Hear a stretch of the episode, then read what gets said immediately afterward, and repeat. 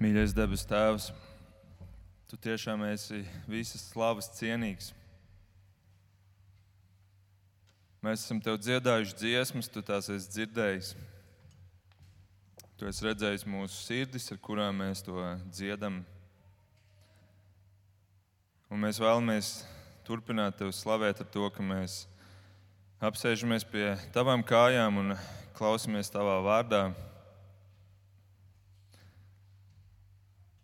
Mēs iepriekš dzirdējām, ļauj mums redzēt tevi. Un es lūdzu, kungs, ka šodienas vārdā, ka mēs neredzētu to sludinātāju, nedzirdētu viņu, bet mēs ieraudzītu tevi, kurš runā caur savu vārdu uz mums. Palīdz mums ieraudzīt tevi no kāda jauna skatu punkta, iepazīt tevi vairāk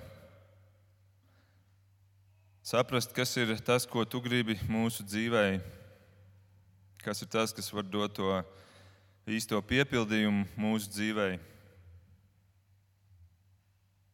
Kas ir tas ēdiens, kuru tu ēd un kur tu vēlēsies, lai mēs ēdam? Es lūdzu, ka tu varētu mūs šajā rītā pabarot garīgi, tā ka mēs varam iziet no šī nama stiprināti, drošāki, iedegušies arī liecināt par tevi.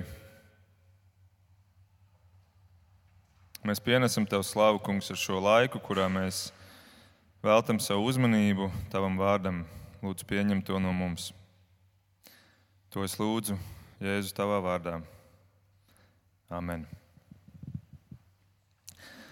Lūdzu, sēdieties, kuri vēl nesēžat.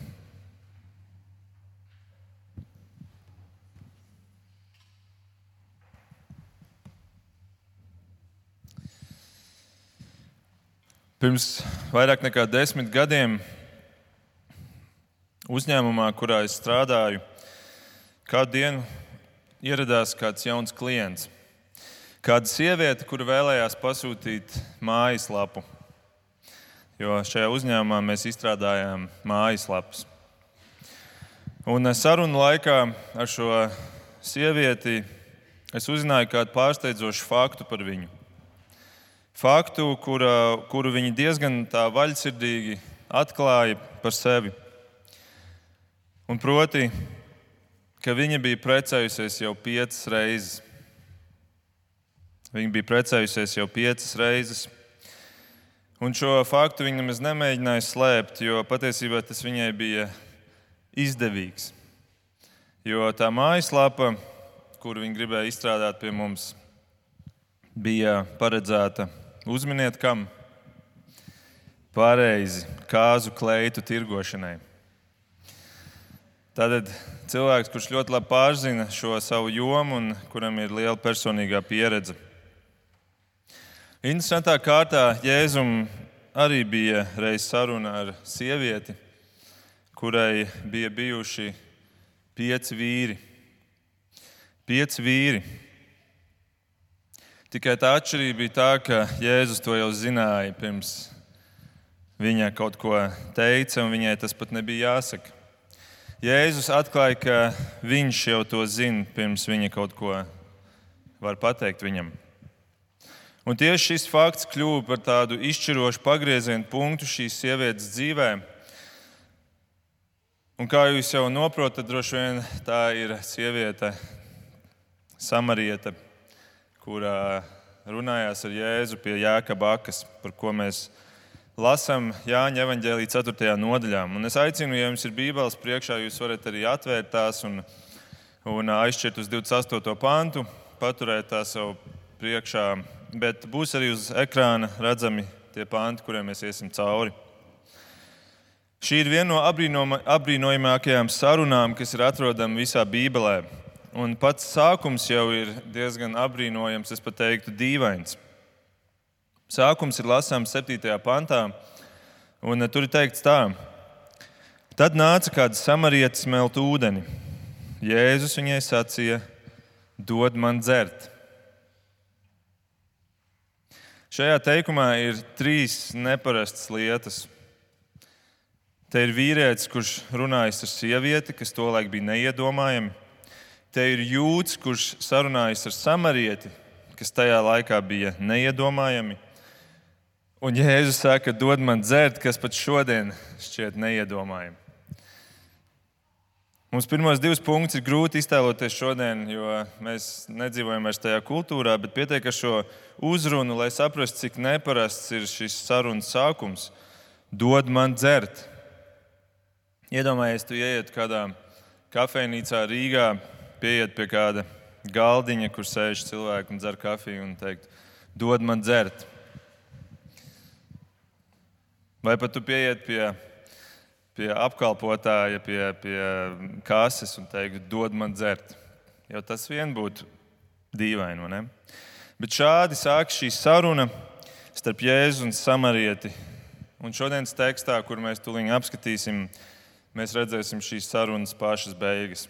Ja jums interesē, kas notika pa vidu, tad jums ir iespēja noklausīties to mūsu mājaslapā vai vismaz drīz būs, es ceru, būs ieliktas iekšā šīs iepriekšējās svētdienas.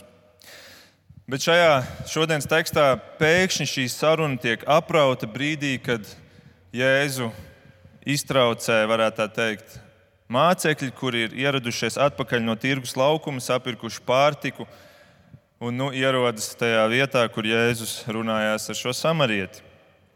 Un tad ir izcinās stāsts, kas atgādina tādu filmu sižetu. Ja jūs tādu skatītos filmu, tad šo varētu tā labi iztēloties. Trīs epizodes, kuras ir aprakstītas viena pēc otras, un uh, kur mēs redzam tādu izspēlētu stāstu. Ne pat neizspēlētu, bet parādītu stāstu no trīs dažādiem leņķiem, kur mazliet pārklājas laiks. Un, un ļoti interesanti šo būtu ļoti viegli, manuprāt, pārvērst filmām. Un tās trīs epizodes ir mūsu šodien trīs daļas svētdienai. Sievietes liecība pilsētniekiem, pēc tam Jēzus liecība mācekļiem un beigās pilsētnieku jeb samariešu liecība sievietei. Un sāksim ar pirmo šo fragment, epizodi - sievietes liecība.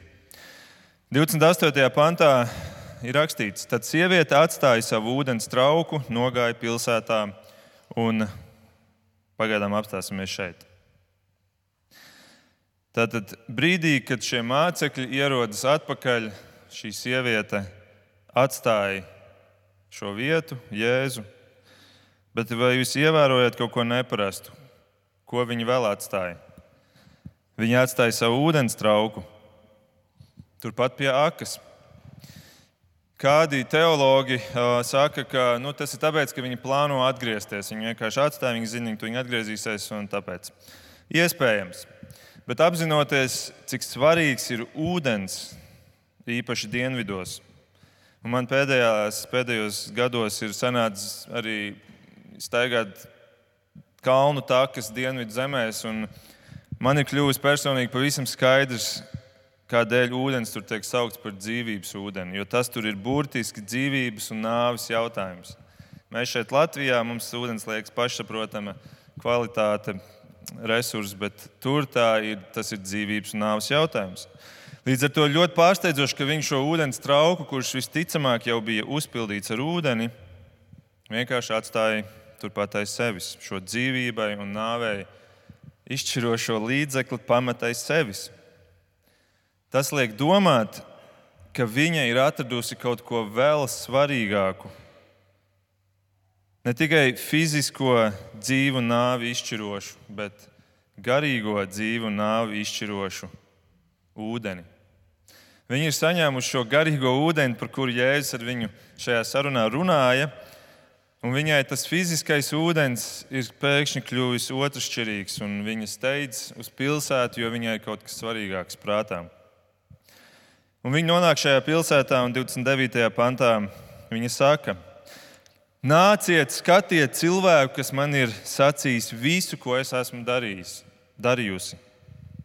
Vai tikai tas nav Kristus? Mēs redzam, savā priekā šī sieviete izsakās pārspīlējumā. Viņa saka, viņš man ir sacījis visu, ko es esmu darījusi.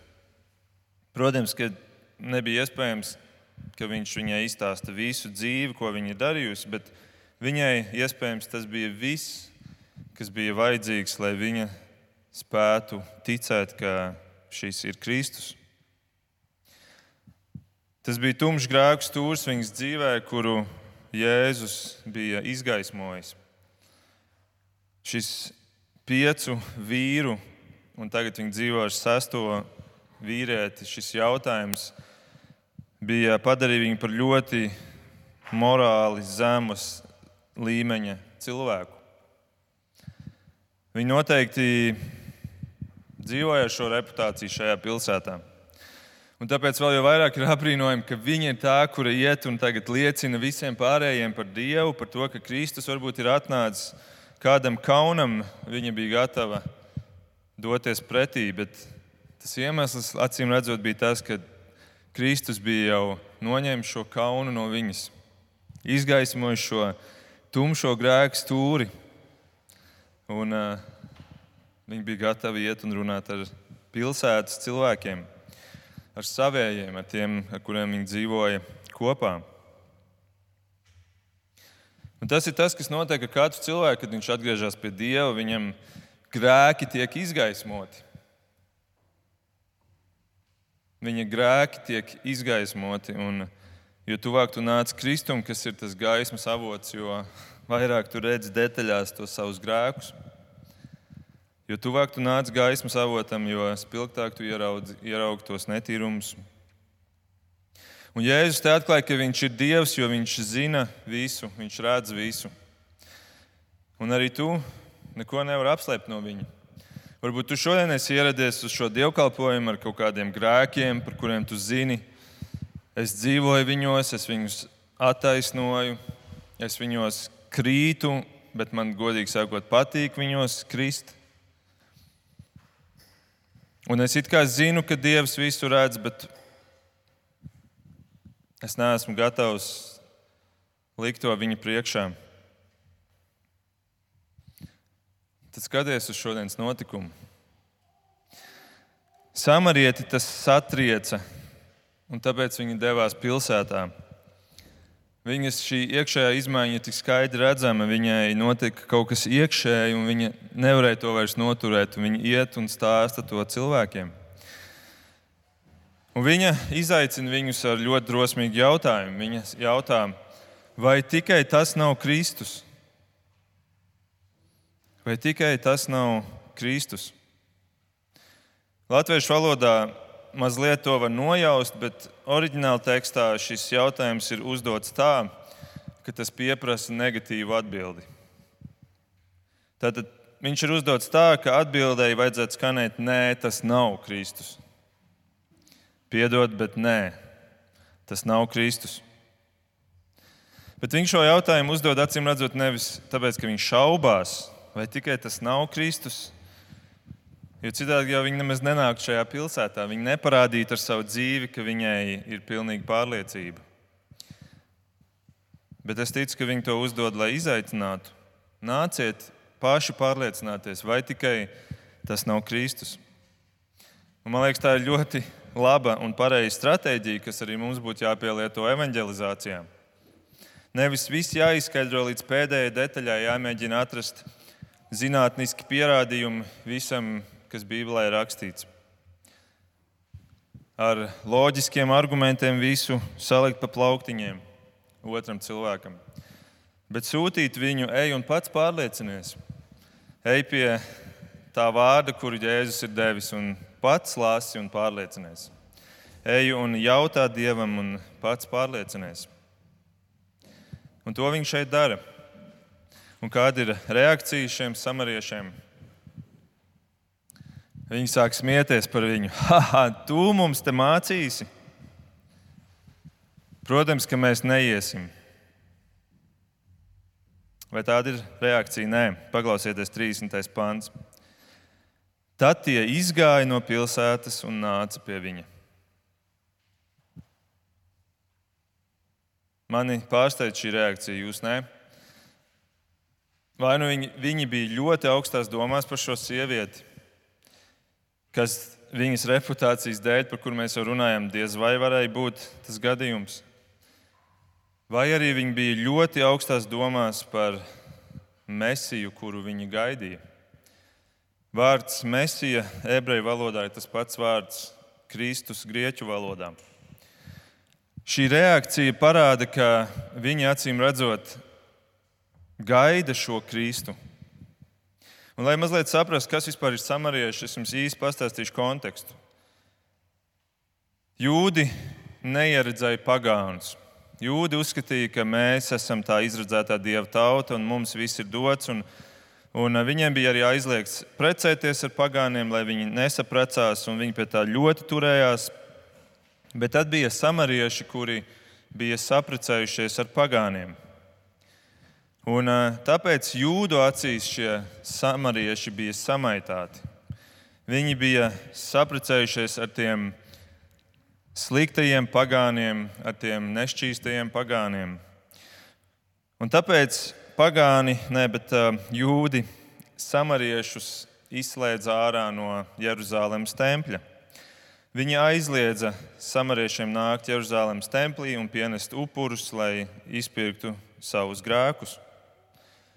Un tas, ko izdarīja samarieši, viņi tāpēc aizgāja uz Gerizīma kalnu un uzcēla savu templi. Tā kā Jeruzalemes tempļa gandrīz vai kopiju uzcēla savu templi, kurā viņi praktizēja šo pašu, tikai tur viņiem neviens to vairs nevarēja aizliegt. Un šim Gerizīma kalnam ir ļoti interesanta simboliska nozīme. Ja jūs klausījāties, ko Arvis jums lasīja ievadā no 5. mūzus, kur Dievs liek Izraēla tautai priekšā svētību, un lāstu un liek izvēlēties, kuru ceļu jūs gribat iet. Tad uzreiz nākamajā pantā pēc šīs aicinājuma skan šāds teksts, paklausieties. 5. mūzes 11.29. Kad kungs, tavs dievs, aizvedīs tevi uz zemi, kuru iemantotu dodies, tad svētību dod Gerizīma kalnā, bet nolādi Ebāla kalnā. Svētību dod Gerizīma kalnām. Un, viņi tā arī darīja. Viņi šķērsoja, nākot uz apsolīto zemi, viņi šķērsoja Jardānas upi. Un tad viņi uzreiz devās uz Gerizīma kalnu, nostājās uz tā un tur teica šos svētības vārdus, kurus Dievs viņiem bija devis. Un tad viņi turpināja ceļu, un viņi nonāca Ebāla kalnā, nostājās uz tā, un tur viņi deva tos lāsta vārdus, kurus Dievs bija devis. Un līdz ar to mēs redzam, ka šajā Gerīzīma kalnā bija tā vieta, kurā tiek dots šī svētība. Un, iespējams, tāpēc arī samarieši šo vietu izvēlējās kā to simbolisko vietu, kurā Izraēla tauta bija nākusi cauri. Tur tiek dota šī svētība. Un uh, vēl viena interesanta pazīme, kuru ir labi zināt, ka vārds svētība ebreju valodā barak nozīmē noliekties, notupties. Un savā ziņā, kā tāds simbolisks žests, katru reizi, kad Dievs svētī kādu cilvēku, viņš no saviem lielajiem augstumiem noliecās lejā pie tā cilvēka un viņam pieskarās. Katru reizi, kad tu lūdz Dievs svētī mani, un kad Viņš tevi svētī. Viņš nolaižās no saviem augstumiem lejā pie tevis un pieskarās tev. Un liek mazliet just un piedzīvot no tā, ko tevi gaida tur augšā debesu valstība. Un tas notiek to dienu, kad Dievs nāk un nolaižās un dod šo svētību šī garīzīma kalna. Bet tas notiek arī šodien šajā tekstā, kad Jēzus atkal, kā Dievs, ir atnācis uz šo Samariju, ir noliecies pār šiem cilvēkiem un svētījis šos cilvēkus. Un tas ir tas, ko mēs redzam viņu reakcijā. Viņi gaida Kristu. Viņi tādēļ ir gatavi iet, kaut arī šīs sievietes reputācija neliecina par to, ka viņa būtu uzticama. Viņi ir gatavi iet un pārliecināties, vai tiešām Tas var būt tas Kristus, par kuru mēs lasām vecajā derībā. Un tā nu šie cilvēki nāk šīs sievietes liecības dēļ. Un tā tas darbojās līdz šai dienai. Šodien Dievs joprojām aicina cilvēkus caur citu cilvēku liecībām.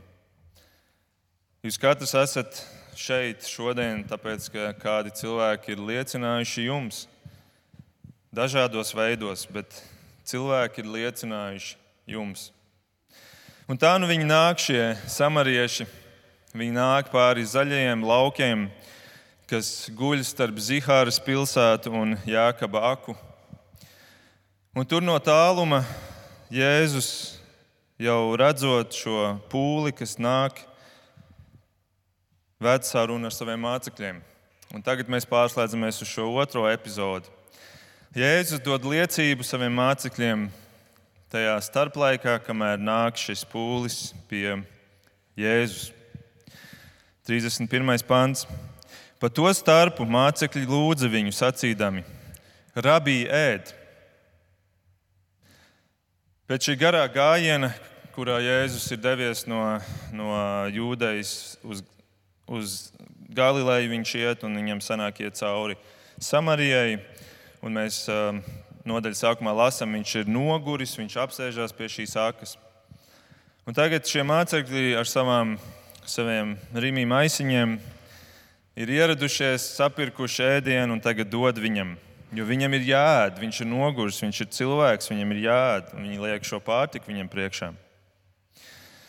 Bet tad atskan visnotaļ apbrīnojama atbilde no Jēzus puses, 3.2. pāns. Bet viņš tiem teica: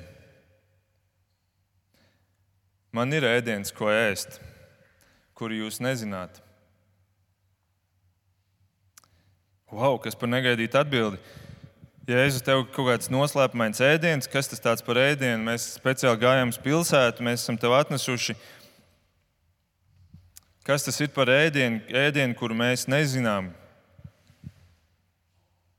Mācekļi tiešām vēl šo ēdienu nepazina. Un man jāsaka, diemžēl daudz kristiešu arī tā izskatās, ka nepazīst šo ēdienu. Kāpēc? paskatāmies uz šo tālāko reakciju. Mācekļu reakcija ir 33. pāns. Tad mācekļi cits citam sacīja, nebūs taču kāds viņam atnesis ēst. Pēter, nebūs taču kāds viņam atnesis ēst. Nē, taču tā bija tikai tā sieviete. Un tai sievietei bija tikai ūdens trauks, kurš starp citu joprojām stāv. Mēs redzam, kā šie mācekļi ir pārņemti ar fizisko ēdienu. Viņu prātā, protams, fiziskais, laicīgais. Viņi domā tā kā bieži vien mēs domājam. Linda arī minēja šeit, ja, ka mēs fokusējamies bieži vien uz to laicīgo. Un tas ir tas, ko viņi spēja tikai šeit iedomāties. Kā viņam kāds jau ir atnesis pārtiku, Un tā ironija tā, ka šie jūdu vīrieši, jūdi, kuri ir dieva izredzētā tauta, vīrieši, kuri parasti ir tie, kuri ir tie mācītie, viņi neapjēdz, par ko ir runa. Kamēr samariešu sieva, sieviete jau sen to ir satvērusi, sapratusi un jau ir devusies, viņa jau ēd šo ēdienu, kuru Jēzus šeit noslēpumainā veidā piemin. Kas ir šis ēdiens? Kas ir šis noslēpumainais ēdiens? Kas ir šis ēdiens, kas ir šajā Jēzus ēdienkartē? Un vai šim ēdienam vajadzētu būt arī mūsu ēdienkartē? Vai tas ir ēdiens, kas ir domāts arī mums? Varbūt arī uzdot šo jautājumu. Es ceru, ka tu uzdod šo jautājumu šobrīd. Jēzus nākamajā pantā paskaidro, kas ir šis ēdiens, 3.4. pants. Jēzus tiem sacīja: Mans ēdiens ir darīt tā gribu, kas man ir sūtījis, un piepildīt viņa darbu. Mans ēdiens ir darīt tā gribu, kas man ir sūtījis, un piepildīt viņa darbu. Es ticu, ka Jēzus bija izsalcis fiziski. Nu, viņš nebija ēdis, acīm redzot, citādi viņi viņiem nenāktu un nenestu un neliktu priekšā šo ēdienu. Bet šajā atbildē mēs redzam, ka Jēzum, acīm redzot, ir jau tik liels piepildījums, tik liels prieks, ka viņš nemaz negrib to fizisko ēdienu. Vai tev ir bijis tā dzīvē kādreiz, ka tu esi tā ar kaut ko tā pārņemts, tik priecīgs, ka tu esi gatavs izlaist kādu ēdienreizi? Varbūt pat nemaz neesi pamanījis, ka jau esi izlaidis ēdienreizi. Jēzus šeit saka, man jau ir ēdiens. Un Jēzus noslēpumainajam ēdienam ir divas sastāvdaļas, kā mēs redzam. Tur ir tā griba, kuru viņš grib darīt, tēva griba. Un tur ir darbs, kas ir jāpiepilda. Viņš saka, es gribu izprast, es gribu, uh, mans ēdiens ir piepildīt, uh, darīt tā gribu, kas man ir sūtījis, un piepildīt viņa darbu.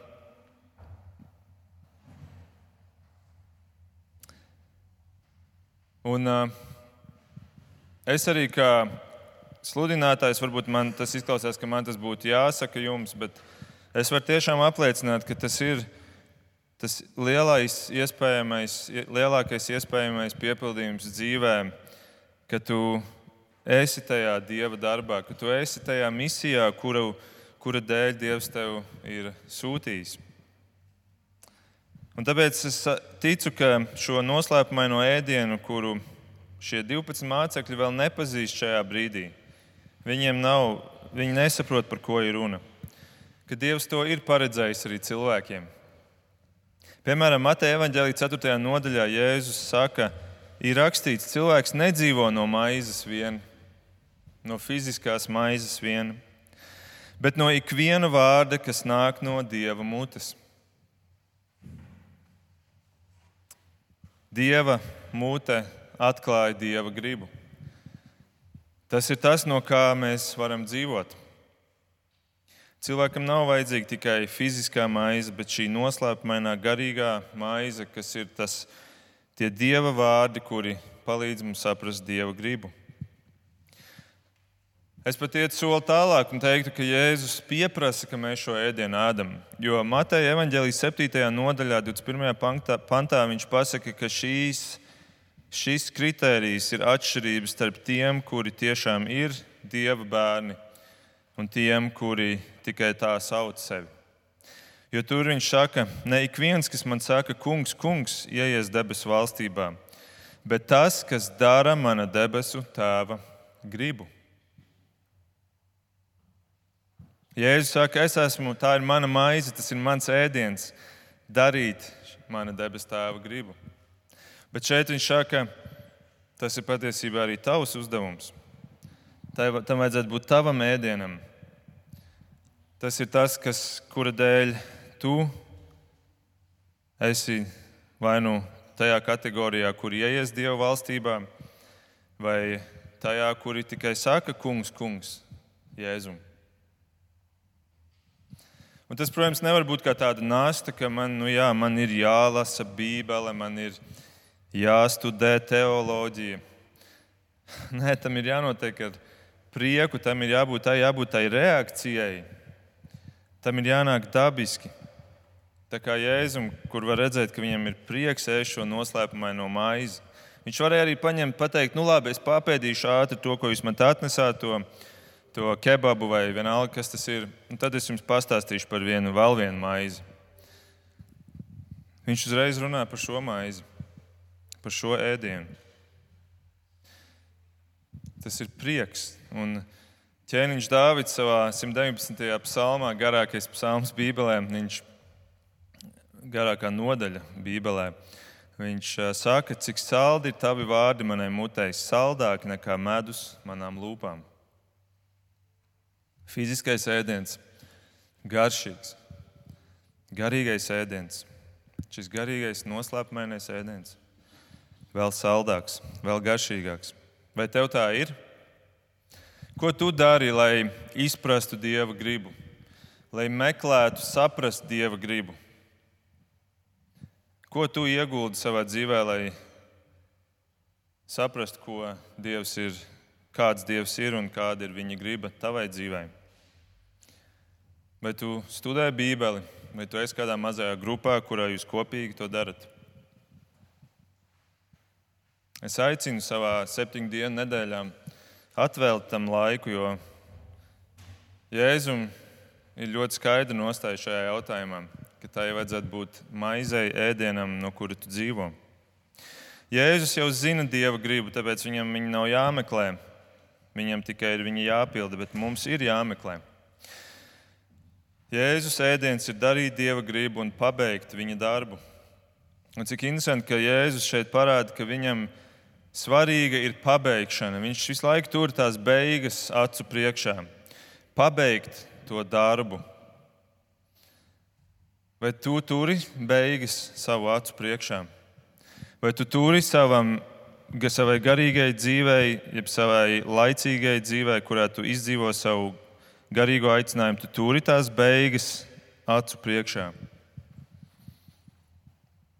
Vai arī tu drīzāk tā plūsti, nu, kas nāks, tas nāks, ja kāds man kaut ko paprasīs, es atbildēšu, nu, tur liet, paliecināšu viņam mazliet par, par savu ticību.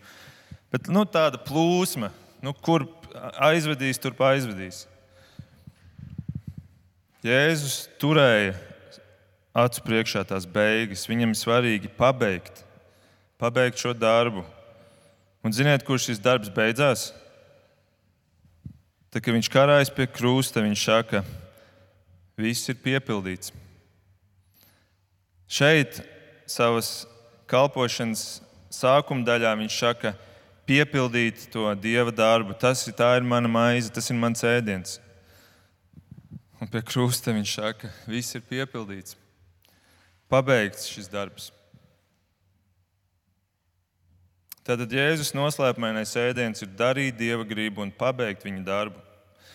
Un tev un man, kā Kristus sekotājiem, ir dota šī pati ēdienkarte. Šeit viņš pasaka saviem mācekļiem, man ir ēdienkarte, kuru jūs vēl nezināt. Es viņu atveru vaļā šeit, pie šīs jēkaba akas, bet tagad es to dodu jums. Šī ir ēdienkarte, kas ir domāta arī jūsu dzīvēm. Šis ir noslēpumainais ēdiens, kas tevi padarīs sātu, piepildītu,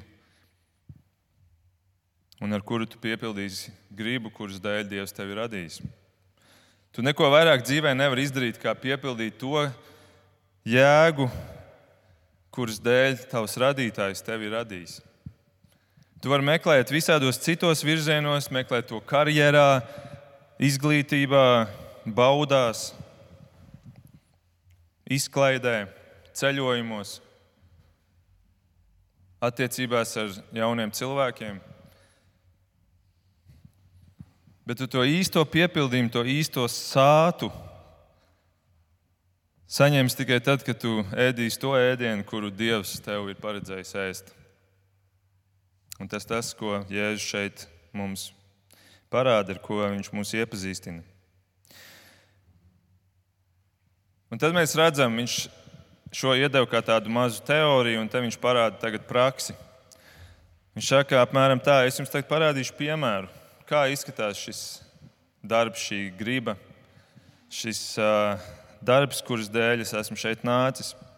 Un te viņš 3.5. pantā paskaidro, vai jūs nesakāt, vēl četri mēneši un nāk pļaujamais laiks? Redziet, es jums saku, paceliet savus acis un skatiet drūvas, kas jau ir baltas pļaujai. Šajā brīdī ir teologi te mazliet strīdās, ja, bet tā, tā, tās vairums saka, ka ir četri mēneši līdz pļaujai. Tas nozīmē, ka tā labība ir mazliet iznākusi no zemes, tāda mazliet zaļa tas lauks ir tāds zaļš, bet viņš saka, pats liet savus acis, mācekļi. Patiesībā jau pļauja ir klāta, un viņi tā paskatās pār tam laukam, un viņi redz balts samariešu pūlis nāk. Un uh, dienvidzemēs Teologi arī to komentāros daudz raksta, ka cilvēki ģērbās gaišās drēbēs, jo mēs zinām, sauli mazāk, mazāk uzkarsē. Tā kā jūs braucat ceļojumos, jūs iespējams arī ņemat gaišās drēbītes līdzi, nevis melnos, melnās jakas. Un, uh, viņi paceļ acis un viņi redz, nāk šis pūlis ar baltās drēbēs, gaišās drēbēs. Un viņš saka, paceliet savus acis jo pļaujas laiks ir klāts. Skatiet drūves, kas jau ir baltas pļaujai. Un tā labība sākumā ir zaļa, un tad viņa nogatavojas, viņa paliek tāda dzeltena un gandrīz tāda ļoti gaiša, gandrīz balta. Un Jēzus saka, paskatieties, šī ir tā labība, kas nāk, ir nogatavojies lauks. Šie samarieši nāk pie viņiem šajā brīdī, kad viņi runā viens ar otru. Un šis skats ir tas Jēzus ēdiens. Tas ir tas Jēzus prieks, tā ir tā viņa bauda, tas ir tas izcelkuma piepildījums redzēt šo skatu, kad nāk cilvēki, kuri ir baltā, kuri ir nogatavojušies dzirdēt vārdu un atsaukties viņam. Tas ir tas, ar ko viņš piepilda sevi un kļūst sācis, ka viņam nav vajadzīgs tas ēdiens fiziskais, ko mācekļi ir atnesuši. Un, kad tu redzi šo ainu, vai tu dali viņa prieku, tu vari to iztēloties. Tu esi nobaudījis šo, šo noslēpumaino ēdienu. Jēzus citur Mateja evanģēlijā saka, pļaujamā ir daudz, bet pļāvēju ir maz. Patiesībā pļaujamā ir daudz, bet pļāvēju ir maz.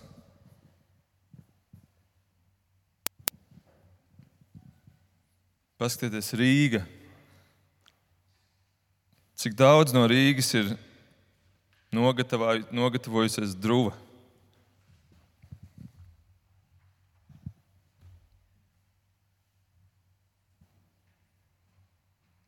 Bet cik maz ir pļāvēju? Tāpēc, ka kristieši ir no, nodevušies šīm laicīgajām lietām, šīm fiziskajām vajadzībām, šīm šai, šai nenormāli aizņemtajai ikdienai.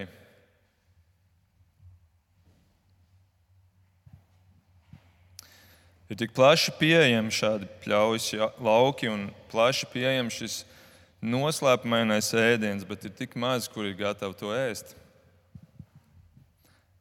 Cilvēki dzēnas pēc šīs laicīgās laimes, laicīgā piepildījuma, fiziskās maizes, fiziskās baudas, un tad dzīvo bez tā sāta, vienmēr ātri izsalkuši, bez īsta prieka, bez īsta piepildījuma, gatavi fokusēties uz tiem mīnusiem, mazajiem dzīvē, kuri uz tā visa skaistā dieva dotā fona ir sīkums, bet tas ir tas, kas krīt uzreiz acīs un kas bojā to dzīvi.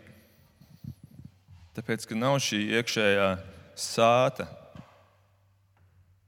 Jēzus saka, īstais prieks meklējams tieši tajā noslēpumainajā ēdienā, šajā pļaušanas darbā.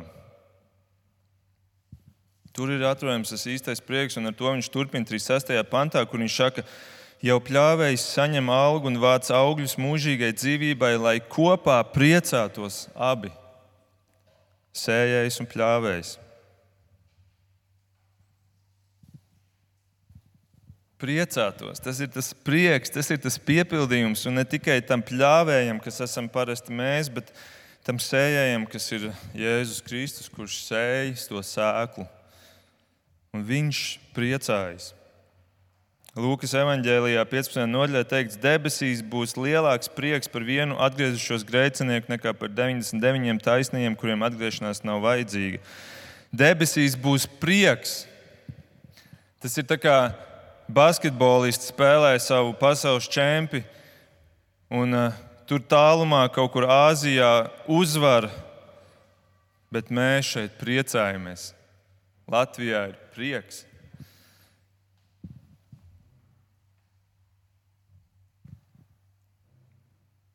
Dievs sola tik lielu algu tiem, kuri darbojas šajā darbā, kuri ēd šo ēdienu un dalās ar Jēzu šajā darbā. Paklausieties, ko Daniels raksta 12. nodaļā. Bet saprātīgie mirdzēs kā debesu jūmas požums, un tie, kas daudzus veduši pie taisnības, kā zvaigznes mūžīgi mūžam. Tu gribi mirdzēt, tu gribi būt tā zvaigzne savā jomā, vai vienalga, kuru nozari tu esi izvēlējies vai izvēlējusies.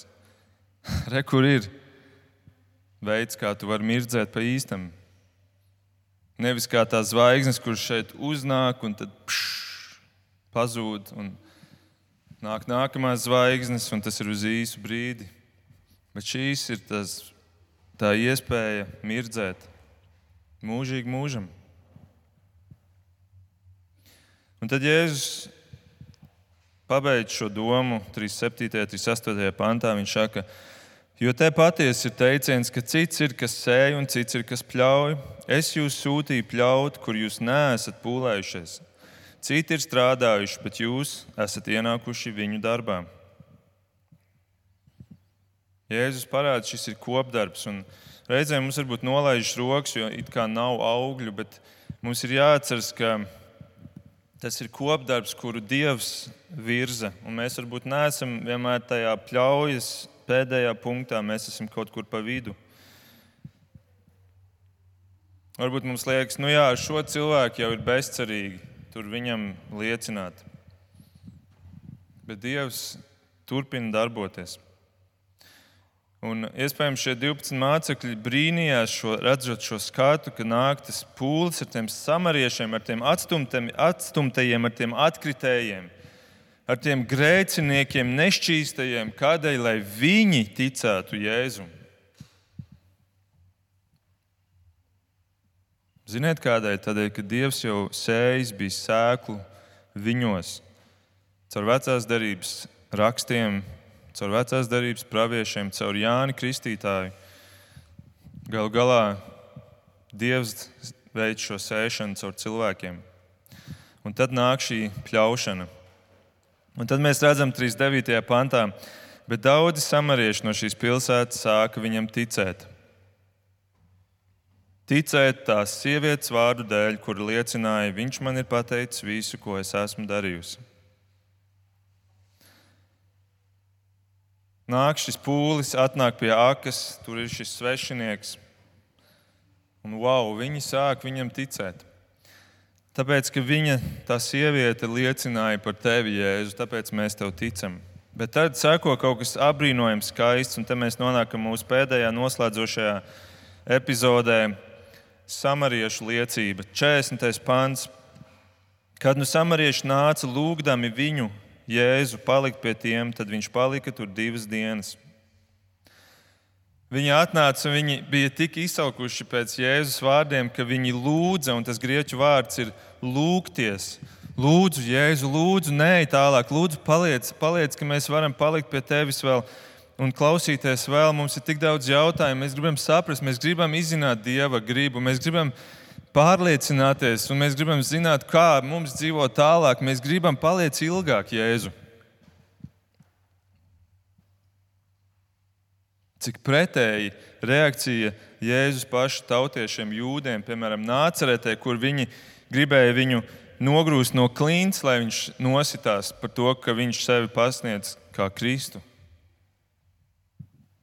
Samarieši, šie atstumtie, šie zemākie, meklē Dievu, pieņem Dieva vārdus. Un tas ir tik apbrīnojami šajā Dieva skaistajā atkal plānā, kad samarieši tie, kuri tiek izvirzīti priekšplānā kā tie ticīgie. Atcerieties, tie desmit spitālīgie, kas tika dziedināti. Cik no viņiem atgriezās pateikt paldies? Viens, ziniet, kas tas bija? Lūks 17. Viens no tiem, redzēdams, ka ir izārstēts, griezās atpakaļ skaļā balsī, slavējams Dievu, un Jēzum pateikdamies, tas krita uz savu vaigu pie viņa kājām. Tas bija samarietis. Kurš bija tas, kurš uz Jērikas ceļa apstājās un aprūpēja to piekauto, kuram divi jūdu garīdznieki bija pagājuši garām? Tieši tā, žēlsirdīgais samarietis. Mēs šodien vēl saucam par samariešiem organizācijas, kuras ir tie, kuri ir gatavi nākt un palīdzēt. Var ja Jēzus mīl samariešus, jo viņiem ir sirds īstajā vietā, un viņi, Dievs ir gatavs noliekties no saviem debesu augstumiem, lai svētītu šos zemos cilvēkus, Un tas mums ir atgādinājums. Nav svarīgi, cik daudz ir grēku. Šai sievietei to grēku bija ļoti daudz publiski zināmi. Bet Dievs ir gatavs noliekties no saviem debesu augstumiem, lai pieskārtos un piedotu. Un tā viens šķiet, ka Dievam patīk zemu liekties pie tiem zemākajiem. To mēs atkal un atkal redzam Bībelē. Jo tieši tādus Dievs meklē.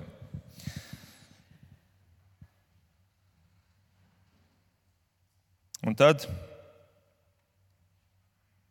priekšpēdējais pants, 41. un daudz vairāk ļaužu kļuva ticīgi viņa vārdu dēļ. Ievērojot, šie samarieši sākumā tic šīs sievietes vārdu dēļ, un tad viņi pavada divas neticami piepildītas dienas ar Jēzu, kur viņi tik daudz uzzina. Un tad viņi jau var teikt, mēs ticam vairs ne sievietes vārdu dēļ, bet viņa, Jēzus vārdu dēļ. Un ar to arī pēdējais pants šodienai atskan 42. Bet sievietei tie sacīja, mēs ticam vairs ne tavas runāšanas dēļ, jo paši esam dzirdējuši un zinām, ka patiešām viņš ir pasaules pestītājs. Un tas mums ir atgādinājums, ka Mēs varam daudz klausīties tādos runātājos kā manī, vai lasīt grāmatas, vai klausīties kādās liecībās. Bet beig beigās mums ir jānāk pie paša Dieva, pie Viņa vārda un jāmācās no Viņa. Un tas ir arī tas iemesls, kādēļ mēs šeit mēģinam sludināt, ejot cauri šiem tekstiem, lai jūs dzirdat to no šie Bībeles teksta, nevis no mums, kā sludinātājiem, ar mūsu atziņām. To saka Dievs, un ja Dievs pārliecina, tad cilvēks ir ar īstu un paliekošu ticību. Un ievērojot pašu pēdējo, ka viņu liecība par šo Jēzu, tad, kad tā sieviete teica, nāciet pārbaudīt, vai viņš nav Kristus, viņi dod šo savu gala atbildi beigās. Viņi saka, Patiešām viņš ir pasaules pestītājs. Un ar to viņi nostājās uz skatuves, kurā jau stāv Jānis Kristītājs, apstuļi Jānis, Andrejs, Filips, Natanjēls, visi minēti pirmajā nodaļā, Nikodējums trešajā nodaļā, samariešu sieviete, kopā septiņi cilvēki, kuri ir šajā evaņģēlijā jau pateikuši, Jēzus ir Dievs. Un tagad pirmo reizi uzkāpj uz skatuves liela cilvēku grupa, kura to pašu apliecina. Mēs ticam, ka viņš ir pestītājs. Un ar to es vēlos noslēgt, atgādinot, ka Jānis savu evaņģēlīju raksta ar šo, ar šo mērķi, lai jūs ticētu, ka Jēzus ir Kristus. To viņš raksta 20. nodaļā. Un, kad mēs lasām šo evaņģēlīju, tad tas ir tas mērķis pārliecināt Varbūt kādi no jums vēl nespēja to līdz galam ticēt. Varbūt kādi jau ir kristieši jau desmit gadus, bet viņu dzīve pierāda, ka mēs to līdz galam neticam. Jo mēs neēdam to ēdienu, mēs neejam, nekalpojam garīgajā darbā. Mēs esam pārņemti ar to fizisko, laicīgo. Tāpēc šodien Šie liecinieki, samarieši, šī sieviete un šie, šis viss pūlis, viņi stāv kā liecinieki arī pret mums.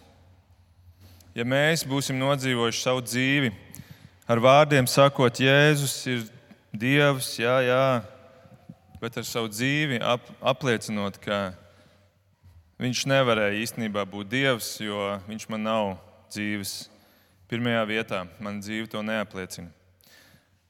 Tāpēc, lai šīs liecības, par kurām mēs šodien mācījāmies, šīs sievietes liecība, Jēzus liecība un šo samariešu liecība, lai tas ir um, atgādinājums mums pārbaudīt pašiem savu ticību. Lai Dievs mūs svētī uz to. Debes Tēvs, paldies par Tavu vārdu. Paldies, ka Tu mums esi devis šo liecību par to, kungs, kā Tu, Jēzus, staigājis pa zemes virsmu kā tu esi pieskāries cilvēkiem, kā tu viņus esi svētījis, kā tu tos pašus zemākos esi pacēlis. un tos lepnos esi atstājis kaunā. Lūdzu, palīdzi, ka mēs spētu zemoties, ka mēs varētu nolikt malā savas ambīcijas, savas, savus plānus dzīvē un uh, tos saskaņot ar to, kādi ir tavi plāni mūsu dzīvē. Tu esi samaksājis par mūsu dzīvi, tu esi samaksājis savām asinīm, un tev ir visas tiesības noteikt to, kā tu vēlēsies, lai mēs šo laiku izmantojam. Palīdz, kungs, mums to izdarīt, to izmantot gudri. Lūdzu, lieto mūs, un paldies, kungs, par tavu neizmērojamo mīlestību. Izvēloties mūs, pieņemt savā ģimenē. Paldies, kungs! To visu mēs lūdzam, gan es, gan draudzene Jēzu tavā vārdā. Amen!